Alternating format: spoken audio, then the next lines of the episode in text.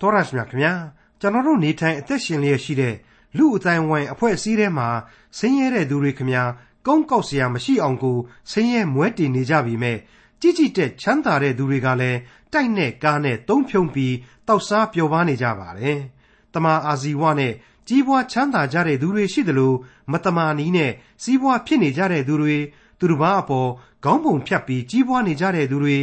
လိန်ညာစီးပွားဖြစ်နေကြတဲ့သူတွေလည်းရှိကြပါတယ်။ ဒီစัจ java လာကြီးထဲမှာထာဝရရှင်မြတ်စွာဘုရားသခင်ဆိုတာအမှန်တကယ်ရှိတော်မူရင်ဒီလူတွေကိုဆုံးမတော်မူပါတော့လားလို့ရင်ကွဲအောင်တန်ကုန်ဟစ်ချင်စရာဖြစ်ရပါတယ်။အဲ့ဒီလိုကျွန်တော်တို့ရဲ့လူလောကကဘာကြီးထဲမှာမမျှမတဖြစ်နေတာတွေကိုဘုရားရှင်ဟာဒီအတိုင်းကြည်နေတာလားဆိုတာကိုလည်းစဉ်းစားစရာဖြစ်ရပါတယ်။အဖြေကိုတော့ဒီကနေ့တင်ပြရသောတမချန်းအစီအစဉ်မှာလေ့လာမှာဖြစ်တဲ့ခရိယန်တမချန်းဓမ္မဟောင်းကျမ်းပိုင်းတွေက ယောဘဝိတ္ထုအခန်းကြီး9နဲ့အခန်းကြီး10တို့မှာဆန်းစစ်ကြည့်ရမှာဖြစ်ပါတယ်။ကျွန်တော်ကိုအမိဝမ်းထဲကနေဘာကြောင့်မွေးထုတ်ခဲ့တာလဲလို့ဖျားရှင်ကိုခံပြင်းလွန်းလာစွာအော်ဟစ်ညင်းညူခဲ့သူတယောက်နဲ့နှိုင်းရှင်ကြည့်နိုင်မှုယောဘဝိတ္ထုအခန်းကြီး9နဲ့အခန်းကြီး10တို့ကိုဒေါက်တာထွန်းမြတ်ရေးကအခုလိုသုံးသပ်တင်ပြထားပါတယ်။ယောဘဝတ္ထုအခန်းကြီး9နဲ့10တို့အကြောင်းရှင်းလင်းတင်ပြခြင်းသင်ခန်းစာများပါပဲ။ ယောဘကနေပြီးတော့သူ့မိတ်ဆွေကြီးဘိလဒတ်ကိုပြန်ပြောတဲ့စကားတွေကိုကြားရမယ့်အပိုင်းအခြားဖြစ်ပါတယ်။ယောဘကအခုလိုပြန်ပြောနေရတာဟာဘိလဒတ်သူ့ကိုဘာဆိုဘာမှအကျိုးမပြုနိုင်သူခံစားရတဲ့ဒုက္ခတွေကိုတက်သာအောင်လို့လဲစိုးစင်းမျှမလုပ်နိုင်တဲ့အတွက်ပါပဲ။ဟုတ်ပါတယ်။ယောဘရဲ့ပြဿနာအရင်းခံနာကိုတောက်မှဘိလဒတ်ဟာရောက်အောင်စဉ်းစားနိုင်ခဲ့ခြင်းမရှိခဲ့တာအမှန်ပါ။ဒါကိုပြီးခဲ့တဲ့ဘိလဒတ်ရဲ့စကားသံတွေမှာရှင်းလင်းစွာကျွန်တော်တို့ကြားနာခဲ့ကြပြီးပါပြီ။ ဒီကနေ့အပိုင်းမှာဆိုရင်ယောဘဟာသူ့ကိုယ်ကိုသူလူကောင်းသူကောင်းကြီးပါဆိုပြီးတော့မပြောရှာတာကိုတွေ့ရမှာဖြစ်တယ်လို့ဘုရားသခင်နဲ့ယင်ဆိုင်ရပြီဆိုရင်လူသားသာဖြစ်တဲ့လူတစ်ယောက်အနေနဲ့ဘာဆိုဘာမှဇောရကမပြုတ်နိုင်ပုံတွေအကြောင်းကိုဖော်ပြသွားပါလိမ့်မယ်။ဒါကြောင့်လဲသူ့အနေနဲ့သူနဲ့ဘုရားသခင်ရဲ့စัจ जा မှာတစုံတရာသောအမှုဆောင်သို့မဟုတ်ကိုစားကံကယ်တင်ရှင်ဆိုတာကိုတောင့်တလာတဲ့အဖြစ်ကိုကျွန်တော်တို့တွေ့လာကြရမှာပါ။ဒါဟာအထူးအရေးကြီးတဲ့အချက်ဖြစ်ပါတယ် ဝိညာဉ်အနှစ်သာရအလွန်ကြီးမားတဲ့အချက်ဖြစ်ပါတယ်။ဘာဖြစ်လို့လဲဆိုတော့အဲ့ဒီလိုလိုအပ်ခြင်းသဘောတရားကြောင့်သာလျှင်တစ်ချိန်သောကာလမှာလူသားနဲ့ဖျားဖျားသခင်နဲ့လူသားတို့ရဲ့မဟာကွာဟချက်များအတွင်ကိုခရစ်တော်ကယ်တင်ရှင်ဟာအမှုတော်ဆောင်အဖြစ်ပါဝင်လာရခြင်းအကြောင်းဖြစ်နေလို့ပါပဲ။ဒါကြောင့်မလို့အခုယောဘဝတ္ထုဖော်ပြချက်ဟာကယ်တင်ရှင်သခင်ခရစ်တော်ကိုလူသားတို့မလွဲမသွေလိုအပ်သည့်အကြောင်းမြည်တမ်းခြင်းဖြစ်တယ်လို့ကျွန်တော်တို့ဆိုရမှာဖြစ်ပါတယ်။အခု ဒီအကြောင်းတွေကိုစတင်လေ့လာကြည့်နိုင်ဖို့အတွက်အခန်းကြီး9အငယ်1နဲ့2ကိုနားဆင်ကြည့်ကြပါစို့ယောဘပြန်၍မွဲ့ဆိုသည်ကမှန်ပါ၏ထိုစကားမှန်ကြောင်းကိုငါသိ၏သို့တော်လည်းလူသည်ဘုရားသခင်ရှေ့တော်၌အဘယ်သို့ဖြောက်မှတ်ရာသို့ရောက်နိုင်သနည်းတငယ်ချင်းဘိလဒတ်တဲ့မင်းပြောတာတွေဟာမမှားပါဘူးတိတ်မဆိုးပါဘူးကောင်းလဲကောင်းပါတယ်တဲ့ဒါပေမဲ့ငါဖြစ်ပြက်နေတာတွေနဲ့ဘာဆိုဘာမှမဆိုင်ပါဘူးတဲ့ဟုတ်ပါတယ်ဘိလဒတ်တင်မကသေးပါဘူး သူ့အရင်ပြောခဲ့တဲ့အေလိဖတ်လည်းဒီအတိုင်းပါပဲအပြော့ဆွဲဆွဲတာရဲ့ပိတ်တလေးနဲ့ဘေးပစ်တယ်လို့ပြောတာရဲ့နှမျိုးသာကွာပါတယ်ယောဘအတွက်ဘာဆိုဘာမှမထိမရောက်တာတွေကြီးပဲသူတို့ပြောခဲ့တယ်ဆိုတာကိုကျွန်တော်တို့တွေ့ခဲ့ရပါတယ်အဲ့ဒီတော့ယောဘအနေနဲ့မင်းပြောတာမမှားဘူးဒါပေမဲ့ငါအဖို့တော့အချီးနှီးပဲဆိုတာကိုပြန်ပြောရတော့မှာဟာလေမလွဲမသွေဧကအမှန်ပါပဲဒါပေမဲ့ဒီအတိုင်းစကားကိုရက်မပစ်ဖဲယောဘထုတ်လိုက်တဲ့မိခွန်းကတော့ ဒီကနေ့ကျွန်တော်မိษွေတို့အားလုံးပါစဉ်းစားရမယ်မေကွန်ကြီးတစ်ခုဖြစ်သွားပြီလူသည်ဘုရားသခင်ရှေ့တော်၌အဘယ်သို့ဖြောက်မှတ်ရာသို့ရောက်နိုင်သနည်းအလွန်အလွန်အရေးကြီးလာတဲ့မဟာမေကွန်ကြီးပါပဲအဲ့ဒီမေကွန်အတွက်အဖြေရိုးရိုးရိပ်သိပ်ပေါ်ထွက်စေတဲ့အချက်ကိုပါတပါးရီဆက်ပြီးတော့တွေ့ရအောင်လို့ယောဘပြောပါတော့မယ်အငယ်3နဲ့4ဘုရားသခင်သည်အပြစ်တင်ခြင်းကအလိုတော်ရှိလျင်လူသည်အပြစ်တစ်ထောင်တွင်တစ်ခုကိုမျှမဖြေနိုင် ဖျားသခင်သည် ထူးဆန်းသောဉာဏ်ကြီးစွာသောတကိုးနှင့်ပြည့်စုံတော်မူသည်ဖြစ်၍အဘယ်သူသည် အာနာတော်ကိုဆံ၍အောက်နိုင်သနည်းအလွန်အလွန်ကြောက်စရာလန့်စရာကောင်းလောက်တဲ့ဖွင့်ဆိုချက်ကြီးပါဖျားသခင်နဲ့အကျွင်းမဲ့အာနာတော်အကြောင်းကိုဖော်ပြလိုက်ပါတယ်ဖျားသခင်ရဲ့ဘုံတကိုးတော်အကြောင်းကိုရှင်းရှင်းကြီးတင်ပြလိုက်ပါတယ်ယောဘကအခုလိုပြောလိုက်တာဟာသူ့အနေနဲ့ဘုရားသခင်ကိုအရှင်းပြိုင်ဆိုင်နိုင်ခြင်းမရှိပါဘူးဆိုတာကိုဝန်ခံလိုက်တာနဲ့လည်းအတူတူပါပဲ။ တစ်ချိန်တည်းမှာဘုရားသခင်ရဲ့တကိုးကြီးခြင်းကိုသာသူဟာသိတယ်ဘုရားသခင်ရဲ့မေတ္တာတော်အနန္တဆိုတာကိုတော့သူဟာမသိသေးဘူးဆိုတာကိုလေသူ့စကားတွေဟာရှင်းလင်းစွာမိမောင်းထုတ်ပြနေပါတယ်ယောဘဝတ္ထုအခန်းကြီး9အငယ်9မှ10ဘုရားသခင်သည်တောင်တို့ကိုအမှတ်တမဲ့ရွှေ့တော်မူ၏အမျက်ထွက်၍မှောက်လှန်တော်မူ၏မြေကြီးကိုရွေ့စေခြင်းဟာတွန်းတော်မူ၍မြေတိုင်တို့သည်တုန်လှုပ်ကြ၏နေကိုမှားထားတော်မူ၍သူသည်မထွက်ရ ကျယ်တို့ကိုလည်းကွယ်ထားတော်မူ၏မိုးကောင်းကင်ကိုကိုတော်တပါးသည်ဖြန့်မိုးတော်မူ၏သမုတ်တရားလှိုင်းတဘိုးကိုနင်းတော်မူ၏ဟုတ်ပါတယ်မူရင်းဟေပြဲစာပေမှာအလွန်ကောင်းမွန်လှပတဲ့လင်္ကာများနဲ့ဖွဲ့ဆိုထားတဲ့ဘုရားသခင်ဘုန်းတော်အကြောင်းပဲဖြစ်ပါလေဘုန်းတော်ပွဲပဲပေါ့ဒါပေမဲ့ဘာပဲပြောပြောဘုန်းတော်နဲ့အာနာတော်နဲ့အတူဘုရားသခင်ရဲ့ဂရုဏာတော် ဘုရားသခင်ရဲ့ကျေးဇူးတော်အကြောင်းကိုဒုက္ခိတကြီးယောဘတယောက်ဟာမမီးစမ်းမထိတွေ့ရပဲရှိနေတယ်လို့ကျွန်တော်ဆိုချင်ပါတယ်အငယ်9နဲ့10အာရှကျဲခသိလာကျဲခိမကျဲစုမှစ၍တောင်မျက်နှာကျဲတိုက်တို့ကိုဖန်ဆင်းတော်မူ၏စစ်၍မကုံနိုင်အောင်အလွန်ကြီးသောအမှုမရေမတွက်နိုင်အောင်များ၍အံ့ဘွယ်သောအမှုတို့ကိုပြုတော်မူ၏ယောဘဟာကျဲနက်ခတ်တရားရီအကြောင်းကိုအတော်ကြီးသိတယ်လို့ကျွန်တော်တို့ဒီမှာခံမှန်းလို့ရနိုင်ပါတယ် ပြီးတော့စัจ java လာအနန္တဟာဖန်ဆင်းရှင်ရဲ့လက်ရတော်ဆိုတာကိုပါသူသိတယ်နောက်တစ်ခုထုတ်နှုတ်ဖော်ပြနိုင်တဲ့အဖြေကတော့ကျေတာယာတို့ဟာသက်ဆိုင်ရာအစုအဝေးနဲ့အခြားသောဂျိုများအဖြစ်တည်နေတယ်ဆိုတာကိုပါသူပြောနိုင်တယ်မထူးဆန်းလွန်ဘူးလားဒါပေမဲ့နော်အဲ့ဒီနက်ခတ်တွေကြောင့်သူအခုလိုအရောက်နေတယ်ဆိုတာမျိုးဖြစ်နေရတယ်ဆိုတာမျိုးဘေးရင်တွက်တာမျိုးသူအရှင်းမလုပ်ဘူးဒါဟာအလွန်အရေးတကြီးမှတ်တမ်းတင်ရမယ့်အချက်တစ်ခုပါပဲ အခုခေတ်မှာကအဲ့ဒီလိုဘေရင်နက်ခါဆိုတာကိုကဘာကြီးဟာအတော်စိတ်ပါဝင်စားနေတာကိုတွေ့ရတော့ရှေးခေတ်လူတွေဆိုရင်ဘလောက်များဒီဖန်ဆင်းခံအရာတွေပေါ်မှာစိတ်တိမ်ညွတ်ခဲ့ကြလိမ့်မလဲကုန်းယုံပြီးတော့ရှ िख ိုးကိုးကွယ်ဥညွတ်ခဲ့ကြလိမ့်မလဲဆိုတာမတွေးဝန်းလောက်အောင်ပဲရှိပါတယ်ဒီနေရာမှာ Shakespeare ရဲ့စာပေတွေတဲကယောမခေတ်မှာ Brutus ဆိုတဲ့လူကနေပြီးတော့စစ်သူကြီး Mark Antony ဆိုတဲ့ပုဂ္ဂိုလ်ကိုပြောခဲ့တဲ့အကြောင်းရေးထားပုံကလေးကိုကျွန်တော်အမှတ်ရမိပါတယ် ကျေတာယာတို့ကိုလူသားတို့ဟာမိတွေ့နေရတာမဟုတ်ဘူးလူသားတို့ဟာလူသားတို့ဘဝကိုသာလျှင်မိတွေ့နေရခြင်းဖြစ်တယ်ဆိုတဲ့အချက်ပါအများကြီးမှန်ကန်မှုရှိပါတယ်သိပ္ပံနည်းလဲကြတယ်လို့ကျွန်တော်ခံယူပါတယ်ဒါပေမဲ့အကျွင့်မဲ့တော့လည်းမပြည့်စုံပါဘူးလူသားဟာဘုရားသခင်ကိုနံပါတ်1နေရာမှာထားဖို့ဆိုတာဟာကိုယ်အုံနောက်ကိုယ်နှလုံးသားကိုယ်ဘဝအသည့်တရားကနေအစပြိုးပြီးတော့စ조사ဆောင်ရွက်ရခြင်းဖြစ်ပါတယ်ဒါဟာယုံကြည်ခြင်းအကျင့်လို့လည်းကျွန်တော်ဆိုချင်ပါတယ်ယောဘဝတ္ထုအခန်းကြီး9 အငယ်7မှ21ငါရှိမှကြွတော်မူ၍ကိုတော်ကိုငါမမြင်ရလျှောက်သွားတော်မူ၍ကိုတော်ကိုငါမရိပ်မိရသိမ့်ယူတော်မူသောအခါအဘယ်သူသည်စိတနိုင်သနည်းကိုတော်သည်အဘယ်သို့ပြုသနည်းဟုအဘယ်သူဆိုဝွန့်သနည်းဖျားသခင်သည်အမျက်ပြေတော်မမူလျှင်မာနကြီး၍အားပေးသောသူတို့သည်ရှေ့တော်၌နှိမ်ချခြင်းကိုခံရကြ၏ထိုမြမကငါသည်အဘယ်သို့ပြန်လျှောက်ရအံ့နည်းရှေ့တော်၌အဘယ်သို့သောစကားကိုရွေး၍လျှောက်ရအံ့နည်း ငါသည်ဖြောက်မတ်တော်လဲပြန်၍မလျှောက်ဝွန့်ပဲတရားမှုကိုဆုံးဖြတ်တော်မူသောအရှင်ကိုတောင်းပန်ယုံမျှသာပြုရ၏ငါခေါ်၍အရှင်သည်ထူးတော်မူတော်လဲငါစကားကိုနားထောင်တော်မူမည်ဟုငါမယုံနိုင်အကြောင်းမူကားမိုးသက်မုန်တိုင်းဖြင့်ငါကိုညှင်းဆဲ၍အကြောင်းမရှိဘဲငါ၏အနာတို့ကိုများပြားစေတော်မူ၏ငါကိုအသက်ရှူရသောအခွင့်မပေးခါစွာသောဝေဒနာနှင့်ပြည့်စုံစေတော်မူ၏တကိုးကိုအမိပြုမည်ဆိုတော်လေဖျားသခင်သည်တကိုးကြည့်တော်မူ၏ တရားကိုအမိပြုမည်ဆိုပြန်သောအဘယ်သူသည်ငါဘက်၌တက်သည်ခံမည်နီ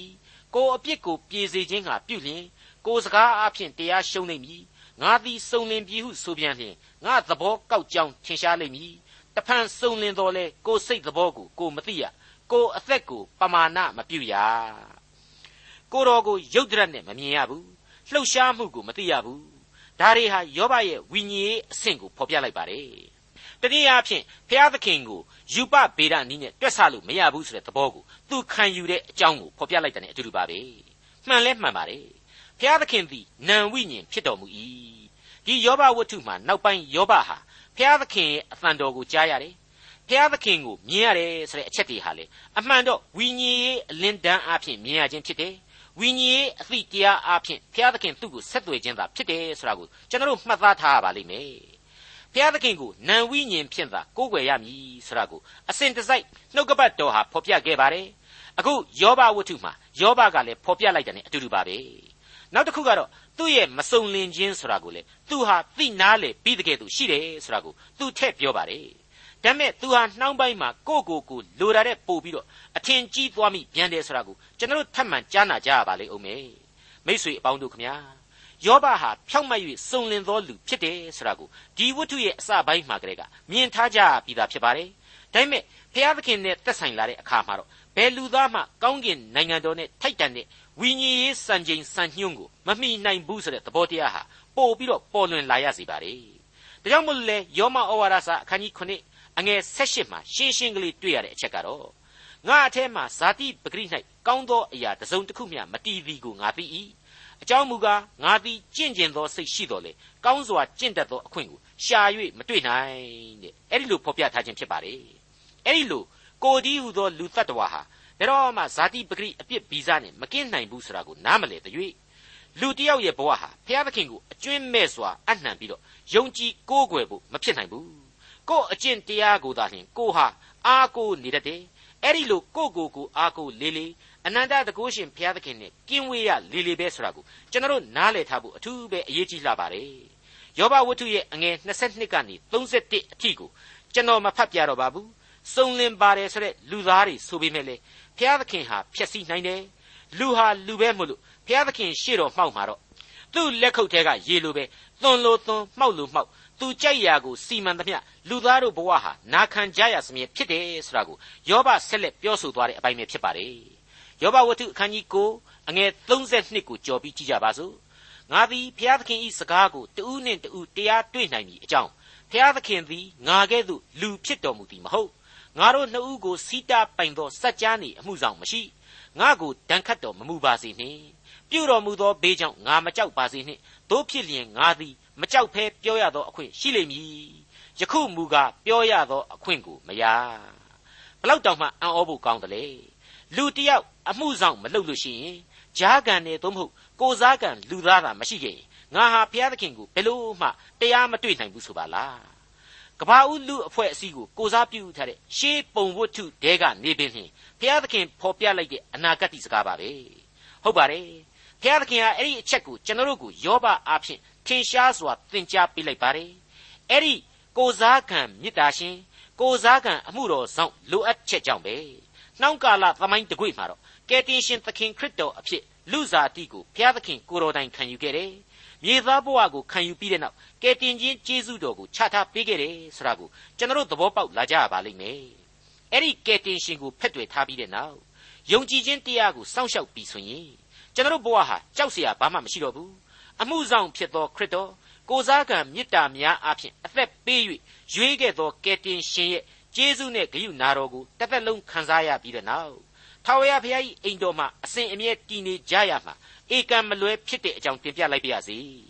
အခုအချိန်မှာတော့ယောဘဝတ္ထုအခန်းကြီး30အငယ်1ကိုဆက်လက်နားဆွင့်ကြည့်ကြပါအောင်စို့ငါဝိညာဉ်သည်အသက်ကိုညှိငွေ၏မြည်တမ်းသောအပြစ်ကိုခံရမည်စိတ်အလွန်ညှိုးငယ်၍ပြောရမည်မိษွေအပေါင်းတို့ခမညာယောဘဝတ္ထုဟာမောရှိခေပညတ်တော်ဘုရားသခင်ကနေပြီးတော့သူ့ရဲ့ဂျေဇုဂိယုနာပလင်တော်နဲ့တန်ရှင်းရတဲတော်များတောင်းမှမရှိသေးတဲ့ ရှေးကာလကဇလန်တစ်ခုဖြစ်တယ်လို့ကျွန်တော်ရှင်းပြခဲ့ပြီးပါပြီဒီတော့ဘုရားသခင်ကိုစိတ်ဝိညာဉ်နဲ့သာကိုးကွယ်ရမယ်ဆိုတာကလွဲလို့ယောဘမှာအခြားကိုးကွယ်ရမယ်နီလန်းကိုမသိနိုင်ခဲ့ပါဘူးအထူးသဖြင့်ဘုရားသခင်ကိုဒီကနေ့ကျွန်တော်တို့ခရိယန်တွေခရစ်တော်အားဖြင့်အလွန်လွယ်ကူစွာကိုးကွယ်နိုင်တယ်ဆိုတဲ့ဂျေဇုနဲ့ဂိယူနာတော်ရဲ့သဘောတရားကိုယောဘမသိနိုင်ခဲ့ပဲရှိနေပါတယ် ဒါကြောင့်မလို့အထက်ကသူမြည်တမ်းခဲ့တဲ့အတိုင်းပဲအကျွင်းမဲ့အာနာနဲ့အပြစ်စီရင်ခြင်းဒဏ်ကိုပဲမျက်စိစုံမိတ်ပြီးသူခံယူရတော့မယ်ဆိုပြီးတော့ယောဘဟာတတိချမှတ်ယူလိုက်ရှာပါတယ်ယောဘဝတ္ထုအခန်းကြီး9အငယ်1ဖျားသခင်ကိုရှောက်ရသောစကားဟူမူကားအကျွန်ုပ်ကိုအပြစ်စီရင်တော်မမူပါနှင့်အကျွန်ုပ်နှင့်ဆန့်ကျင်ဘက်ပြုတော်မူမည်အကြောင်းကိုပြတော်မူပါ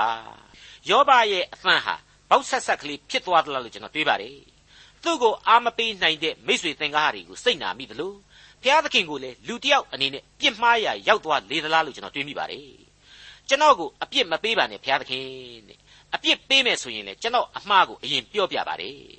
ကျွန်တော်ရဲ့ယင်ထဲမှာယောဘရဲ့ဒီအခြေအနေဟာအလွန်တနာစရာကောင်းတယ်လို့စိတ်ညစ်စရာလည်းအလွန်ကောင်းလာတယ်လို့ကျွန်တော်ခန်းစားမိပါတယ်အငယ်3ကိုတော်သည်ညှင်းဆဲတော်မူသင့်သလော ကိုယ်တိုင်ဖန်ဆင်းသောအရာကိုယွန်ရှာ၍လူဆိုးတို့၏အကြံအစီကိုကောင်းကြီးပေးတော်မူသင့်သလောဟုတ်တယ်နားမလဲနှိမ်လောက်အောင်ယောဘတယောက်သွေးပြက်နေရရှာပြီအတွေးအခေါ်တွေချွတ်ချော်မှောက်မှားကုန်ရရှာပြီကျွန်တော်မှဘာအပြစ်ရှိသလဲဆိုတာစောစောပိုင်းကလေးကတည်းပထမမေးခဲ့တယ်အခုကျတော့ကျွန်တော်ကိုညှင်းဆဲသင်းလို့လားတဲ့ပြီးတော့မဟုတ်မဟတ်တွေလုတ်တဲ့ငနေတွေကြတော့ကြော့မော့နေကြတာပဲတဲ့ဘာမှမဖြစ်ကြဘူးတဲ့မိတ်ဆွေဘုရားသခင်ဆိုတာကို ဒီလိုပဲလောကအမြင်နဲ့တိုင်းထွာလို့ရကောင်းပါသလားသူဖန်ဆင်းတဲ့မိုးဆက်တွေနှင်းဆက်တွေဆိုတာဟာလူကောင်းရောလူဆိုးရောအားလုံးအပေါ်မှာညီမျှစွာကြာနေပါတယ်ကြာနေစမြဲဖြစ်ပါတယ်သူ့ရဲ့စီရင်တော်မူခြင်းဆရာဟာလေဒီလိုပဲဖြစ်နိုင်တယ်သူ့အလိုတော်ကိုသမိုင်းတစ်လျှောက်မှာဘယ်လူသားမှတော်လှန်လို့မရခဲ့ပါဘူးထွက်ပြေးလို့လည်းမရခဲ့ပဲရှိခဲ့တယ်ဆိုတာတွေကိုကျွန်တော်တို့ဟာဓမ္မသမိုင်းစာမျက်နှာကမ္ဘာသမိုင်းစာမျက်နှာတွေမှာရှင်းရှင်းလင်းလင်းသိထားကြပြီးသားပါ အလိုတော်ဆိုတာကိုသာနားလေခံယူထားကြဖို့အထူးပဲအရေးကြီးပါတယ်အငယ်လေးကိုတော်သည်ယူပမျက်စိရှိတော်မူသလောလူမြင်သည်နိတုမြင်တော်မူသလောစောစောပိုင်းဖော်ပြခဲ့တဲ့အမှုဆောင်ကိုယောဘဟာတောင့်တခဲ့တယ်ကိုစားကံကဲတင်ရှင်ရှိရင်ဘလောက်သူ့အတွက်သက်သာရာရလိမ့်မလဲဆိုတာကိုတွယ်ဝိုက်စွာနဲ့ဖော်ပြလိုက်ပြန်ခြင်းပဲဖြစ်ပါတယ်ကိုတော်သည်ယူပမျက်စိရှိတော်မူသလောလူမြင်သည်နိတုမြင်တော်မူသလောတဲ့ ဒါဟာကိုစားကံကဲတင်ရှင်ကိုတောင့်တတဲ့သဘောအမှုဆောင်ကိုမျှော်လင့်နေတဲ့သဘောပဲမိတ်ဆွေအပေါင်းတို့ခမညာတိမောသေဩဝါဒစာပထမစာဆောင်အခန်းကြီး2အငယ်9မှာဖျားသခင်တဆူတည်းရှိတော်မူ၏ဖျားသခင်နှင့်လူတို့စัจ जा မှာလူဖြစ်သောယေရှုခရစ်ကြီးဟုသောအာမခံတူရီရှိ၏ဆိုပြီးတော့ခရစ်တော်ဟာယောဘအကျဉ်းချင်းတန်းတနေတဲ့အမှုတော်ဆောင်ဖြစ်တယ်ဆိုတာကိုတမန်တော်ကြီးရှင်ပေါလုဖော်ပြခဲ့ပါတယ် ကယ်တင်ရှင်သခင်ခရစ်တော်ဟာအဲ့ဒါဆိုရင်ယောဘတို့ခေတ်ကာလတုန်းကရောမရှိဘူးလားသူဟာအမှုဆောင်အဖြစ်နဲ့ဘုရားသခင်နဲ့အတူအစအဦးကလေးကတည်ရှိနေခဲ့ပါတယ်တရားဝင်လူစားတိကိုမခံယူမီကလေးကဒီဘုရားသခင်ဒီနှုတ်ကပတ်တော်ဒီတန်ရှင်းသောဝိညာဉ်တော်တို့ဟာခရစ်တော်ကိုယ်တိုင်သာဖြစ်ပါတယ်တမဟောင်းကာလမှာပြည့်ညတ်တော်တို့မပေါ်မီယုံကြည်ခြင်းအပြင်ပင်ဖြင့်ခရစ်တော်ရဲ့ကျေးဇူးဂရုဏာတော်ဆိုတာကိုလူသားတို့မလွဲမသွေခံစားခဲ့ကြပြီဖြစ်ပါတယ် ယောဘလည်းခံစားရပါတယ်အခုအချိန်မှာသူဟာကိုယ့်ကိုယ်ကိုသူမသိပေမဲ့နားမလဲပေမဲ့ဆက်လက်ပြီးတော့လေဒီကျေးဇူးဂရုဏာတော်ဟာပေါ်ထွန်းလာရအောင်မှသာဖြစ်ပါတယ်ကျွန်တော်တို့ရှင်ယောဟန်ခရစ်ဝင်ကျမ်းမှာတော့ကရှင်းရှင်းကြီးဖော်ပြခဲ့ပြီးပြီမဟုတ်ဘူးလားနှုတ်ကပတ်တော်ဟာလူစားတိကိုခံယူလိုက်ရင်ကယ်တင်ရှင်သခင်ခရစ်တော်ဖြစ်တယ်ဒီနှုတ်ကပတ်တော်ဟာအစဦးတဲ့ဘုရားသခင်နဲ့အတူရှိတယ်ဘုရားသခင်ကိုတော်တိုင်ဖြစ်တယ်ဆိုတဲ့အချက်တွေကိုကျွန်တော်တို့တွေ့ကြရပြီးပြီ အဲ့ဒီတော့တရားဝင်အားဖြင့်ကယ်တင်ရှင်သခင်ခရစ်တော်လွန်ခဲ့တဲ့နှစ်ပေါင်း2000ကပေါ်ထွန်းခဲ့တယ်ဆိုပေမယ့်ကဘာဦးအချိန်ကာလကလေးကဘုရားသခင်ကိုယုံကြည်ရင်ခရစ်တော်ဆိုတာဟာရှိနေပြီတန်ရှင်းသောဝိညာဉ်တော်အားဖြင့်လူလောကဟာကျေးဇူးကရုဏာတော်မေတ္တာတော်ကိုခံစားနေရပြီဒါပေမဲ့လူသားတို့အနေနဲ့နားမလည်နိုင်ခဲ့သေးဘူးအခုအချိန်မှာယောဘဟာသူ့ကိုယ်ကိုသူမသိပေမဲ့နားမလည်ပေမဲ့မကြခင်မှာဒီကျေးဇူးဂရုဏာတော်ဟာပေါ်ထွန်းလာရအောင်မှသာဖြစ်ပါတယ် အခုသူတောင့်တနေတဲ့အရာတွေဟာသူ့ရဲ့ဇလံမပြီးခင်မှာပင်လျင်သူပြန်လဲခံစားလာရအောင်မယ်ဆိုတာကိုသူကိုယ်တိုင်အံ့ဩစွာထိတွေ့လာရအောင်မှာပါယောဘဝတ္ထုအခန်းကြီး30အငယ်9မှ9လူမြင်သည်နိတုမြင်တော်မူသလောကိုတော်ဤနေရတို့သည်လူနေရကဲ့သို့ဖြစ်ပါသလောကိုတော်ဤနှစ်တို့သည်လူယောက်ျားနေရကဲ့သို့ဖြစ်ပါသလောအကျွန်ုပ်ပြုသောဒုစရိုက်ကိုစစ်၍အပြစ်ကိုတွေ့ခြင်းဟာအဘယ်ကြောင့်ရှာတော်မူသနည်း အကျွန်ုပ်သည်လူဆိုးမဟုတ်ကြောင်းနှင့်လက်တော်မှအဘယ်သူမျှမကယ်မနှုတ်နိုင်ကြောင်းကိုသိတော်မူ၏မိษွေအပေါင်းတို့ခမညာကျွန်တော်တို့ဟာစောပိုင်းတုန်းကကိုဟာလဲလူတွေကလူအပြစ်ရှိတဲ့လူပြစ်မှားခြင်းမကင်းတဲ့လူဆိုတဲ့သဘောထားမျိုးယောဘစီမှာရှာလို့တွေ့ကြရပြီဖြစ်တယ်ဆိုတာကိုမေ့ကြမယ်မထင်ပါဘူးနှိမ့်ချသောလူတစ်ယောက်ရဲ့ပုံစံပေါ့ကိုဟာလူတွေကလူပဲဖြစ်တယ်အပြစ်ရှိတဲ့လူပြစ်မှားခြင်းမကင်းဘူးဆိုတဲ့အချက်တွေကိုသူဖော်ပြခဲ့ပါတယ် အခုအချိန်မှာတော့သူ့မှာအပြစ်မရှိဘူးဆိုတဲ့ပုံစံမျိုးယောဘတခါပြန်ပြီးချိုးလာပြီကျွန်တော်လူကောင်းမှန်ဘုရားသခင်သိတော်မူပါတယ်တဲ့ဒီကြားထဲကဘုရားသခင်ကအပြစ်ပေးတော့လေဘာဆိုဘာမှမတတ်နိုင်တော့ပါဘူးတဲ့ကိုယ့်ရဲ့ကောင်းမှုတွေကိုယ့်ရဲ့ဖြူစင်မှုတွေအပေါ်မှာသူအထင်ကြီးလာတယ်ဆိုတာကိုတွေ့ရပါတယ်တော်ပါသေးရဲ့ဘုရားသခင်ကိုသူအတင်းအပြစ်မတင်ခဲ့ဘူးပူညံပူညံမလုပ်ရှာပါဘူးဟုတ်ပါတယ်ကျွန်တော်မှအပြစ်မရှိပေမဲ့ဘုရားသခင်ကအပြစ်စီရင်ပြီဆိုရင်တော့ဘသူကမှဝင်မကယ်နိုင်ဘူး အဲ့ဒါလေးပါသွားသေးလို့အများကြီးခံစားသွားရပါတယ်မတော်ဆယောဘရောင်ပေါင်ပြီးတော့ဘုရားသခင်ကိုများဘူးတွေပေါက်တွေတွားပြောတော့မလားလို့ကျွန်တော်မှတထိတ်ထိတ်နဲ့ဖြစ်ခဲ့ပါတယ်ဒီအပိုင်းမှာအလေးနဲ့ဖော်ပြခြင်းတာကတော့ယောဘမှာအဲ့ဒီလိုနှိမ့်ချခြင်းစိတ်ဓာတ်အနည်းငယ်လိုအပ်နေတဲ့ဆိုတဲ့အချက်ကိုအားနည်းချက်တစ်ခုအဖြစ်ကျွန်တော်အကဲဖြတ်မိပါတယ်နောက်တစ်ခုကတော့သီးခံခြင်းလေလိုအပ်ခဲ့လိမ့်မယ်လို့ကျွန်တော်စဉ်းစားမိပါတယ်အဲ့ဒီလိုအပ်နေတဲ့နှိမ့်ချခြင်းစိတ်ဓာတ်သီးခံခြင်းစိတ်ဓာတ်တို့ကို ဘုရားသခင်ဟာသူ့ကိုမွေးမြူနိုင်အောင်ပြုပြင်ပေးသွားပါလိမ့်ဦးမယ်ကျွန်တော်မိတ်ဆွေကျမ်းစာသူတည်တည်တယောက်ကတော့ကျွန်တော်ရဲ့အဲ့ဒီဖော်ပြချက်ကိုမကြိုက်ပါဘူးသူကရှင်ယာကုတ်ဩဝါဒစာအခန်းကြီး9အငယ်7အရာဆိုရင်ယောဘဟာတန်းကြီးခံတဲ့လူတစ်ယောက်ဖြစ်တဲ့အကြောင်းကိုတွေ့ထားတော့ငโกကလေးကသီးခံတတ်တဲ့လူတစ်ယောက်မို့လို့နှိမ့်ချခြင်းသီးခံခြင်းတွေလိုအပ်တယ်ဆိုတာမဟုတ်နိုင်ဘူးကျွန်တော်အတွေးခေါင်တာဆိုပြီးတော့ပြောပါတယ်အဲ့ဒီရှင်ယာကုတ်ဩဝါဒစာအခန်းကြီး9အငယ်7မှာ ဖော်ပြထားတာကိုသေချာဖတ်ရင်ရှင်းနေပါတယ်သီးခံနိုင်သောသူတို့သည်မင်္ဂလာရှိသောသူဟု၍ငါတို့သည်ခေါ်ကြ၏ယောဘသည်သီးခံကြောင်းကိုသင်တို့ကြားရကြပြီထာဝရဘုရားသည်မိမိအမှုကိုလက်ဆသတ်တော်မူရမှာအလွန်တနာစုံမဲ့တော်မူကြောင်းကိုလေသိမြင်ရကြပြီဆိုပြီးတော့အဲ့ဒီမှာတွေ့ရပါတယ်ယောဘဟာသီးခံနိုင်စွမ်းမရှိခဲ့ရှာတာကိုသူ့ရဲ့ညီးတွားမြည်တမ်းမှုတွေအားဖြင့်ကျွန်တော်တို့တွေ့နိုင်ပါတယ်ဒါပေမဲ့ထာဝရဘုရားရဲ့အမှုတော်လက်ဆသတ်ခြင်း သို့မဟုတ်ထာဝရဘုရားရဲ့ဖန်တီးပြုပြင်တော်မူခြင်းတို့ကြောင့်သူဟာစိတ်နှိမ်ချသွားသူသီးခံတတ်သူတယောက်အဖြစ်ပြောင်းလဲသွားရခြင်းဖြစ်တယ်လို့ကျွန်တော်ဆိုချင်ပါတယ်မိษွေများခမညာစိတ်နှိမ်ချမှုသီးခံနိုင်မှုဆိုတဲ့အချက်တွေဟာတန်ရှင်းသောဝိညာဉ်တော်အားဖြင့်ကျွန်တော်ခန်းစားရရှိနိုင်တဲ့နှလုံးသားခွန်အားများပဲဖြစ်ပါတယ်နှလုံးသားပြောင်းလဲခြင်းများပဲဖြစ်ပါတယ်အထူးသဖြင့်ကယ်တင်ရှင်တရားကိုလူစားတိခံကယ်တင်ရှင်သခင်ခရစ်တော်အားဖြင့်ခန်းစားရပြီးတဲ့နောက် အသက်လမ်းပေါ်ကိုတက်လှမ်းနိုင်ခွင့်ရှိပြီးသူကျွန်တော်တို့ဟာမိမိတို့ရဲ့အသက်လမ်းကိုအမှုတော်စောင့်ပြီးတဲ့သခင်ကျေးဇူးကြောင့်ရရှိပြီးဖြစ်တယ်ဆိုတာသိနိုင်ပါတယ်။သူချထားပေးသောတန်ရှင်းသောဝိညာဉ်တော်အားဖြင့်နှိမ်ချခြင်းသီးခံခြင်းတတ္တိများကိုစ조사ပန်းစားမွေးမြူကြရပါလိမ့်မယ်။အခုအငယ်၈ကနေပြီးတော့၁၈အထိကျွန်တော်ဖတ်မပြတော့ပါဘူး။ဘုရားသခင်ရဲ့ကျေးဇူးတော်ကိုတစွန်းတစချီးမွမ်းခြင်းပါဝင်ပါတယ်။ဒါပေမဲ့အဓိကအချက်တွေအဖြစ် ကျွန်ုပ်မှာအပြစ်ဖြစ်ရင်ကိုတော်မှတ်တော်မူ၏။ကျွန်ုပ်အပြစ်ကိုလွတ်တော်မူမည်မဟုတ်အကျွန်ုပ်ဖြောက်မှတ်လျင်လေမျက်နာကိုမပြနိုင်အကျွန်ုပ်အဖို့ကြောက်လန့်နေရပါတယ်ဆိုတဲ့အချက်တွေကသာလွှမ်းမိုးနေတဲ့အပိုင်းပဲဖြစ်ပါတယ်ကျွန်တော်ယောဘဝတ္ထုကိုဏိဒန်းပြိုးတုံးကလည်းပြောခဲ့တယ်ပြီးခဲ့တဲ့သင်ခန်းစာတွေမှာတုန်းကလည်းဖော်ပြခဲ့တဲ့အတိုင်းပါပဲနှုတ်ကပတ်တော်မှာလူသားတွေပြောသမျှအကုန်လုံးကို ဝိညာဉ်တော်မှုတ်သွင်းပြီးပြောဆိုတယ်လို့တရသေးမစွဲယူနိုင်တယ်လို့ဒီအပိုင်းတွေကိုယောဘရဲ့ကိုယ်ပိုင်နှလုံးသားကအတွေးတွေနဲ့ပြောဆိုခြင်းများအဖြစ်သာကျွန်တော်တို့မှတ်တမ်းတင်ကြရမှာဖြစ်ပါတယ်အဲ့ဒီလိုပြောဆိုတဲ့ယောဘရဲ့စိတ်နေစိတ်ထားအပေါ်မှာသာလျှင်ကျွန်တော်တို့ဟာဘုရားသခင်ဘာတွေကိုဖော်ပြနေတယ်ဆိုတာကိုမှတ်ယူကြရမှာဖြစ်ပါတယ်အဖြေကိုဖော်ထုတ်ကြရမှာဖြစ်ပါတယ်အခုအချိန်မှာယောဘဝတ္ထုအခန်းကြီး30အတွက်အငယ်16နဲ့19ကိုဖတ်ပြရင်းနဲ့ အခန်းကြီး30ကိုဏီကုန်းချုပ်အနေနဲ့ရှင်းလင်းတင်ပြပါရစေ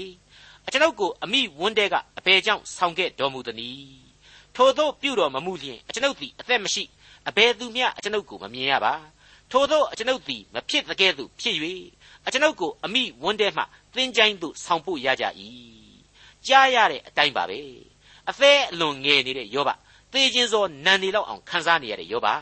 သေစုကိုကြီးပဲလှိမ့်ပြီးပန့်နေတယ် ငါမွေးမလာရင်ကောင်းမယ်ဆိုတဲ့အသံကလေးညောင်နာနာနဲ့ရောင်ချာချာလေးတကြော့ပြန်ပြန်ပြောနေပြန်ပါပြီ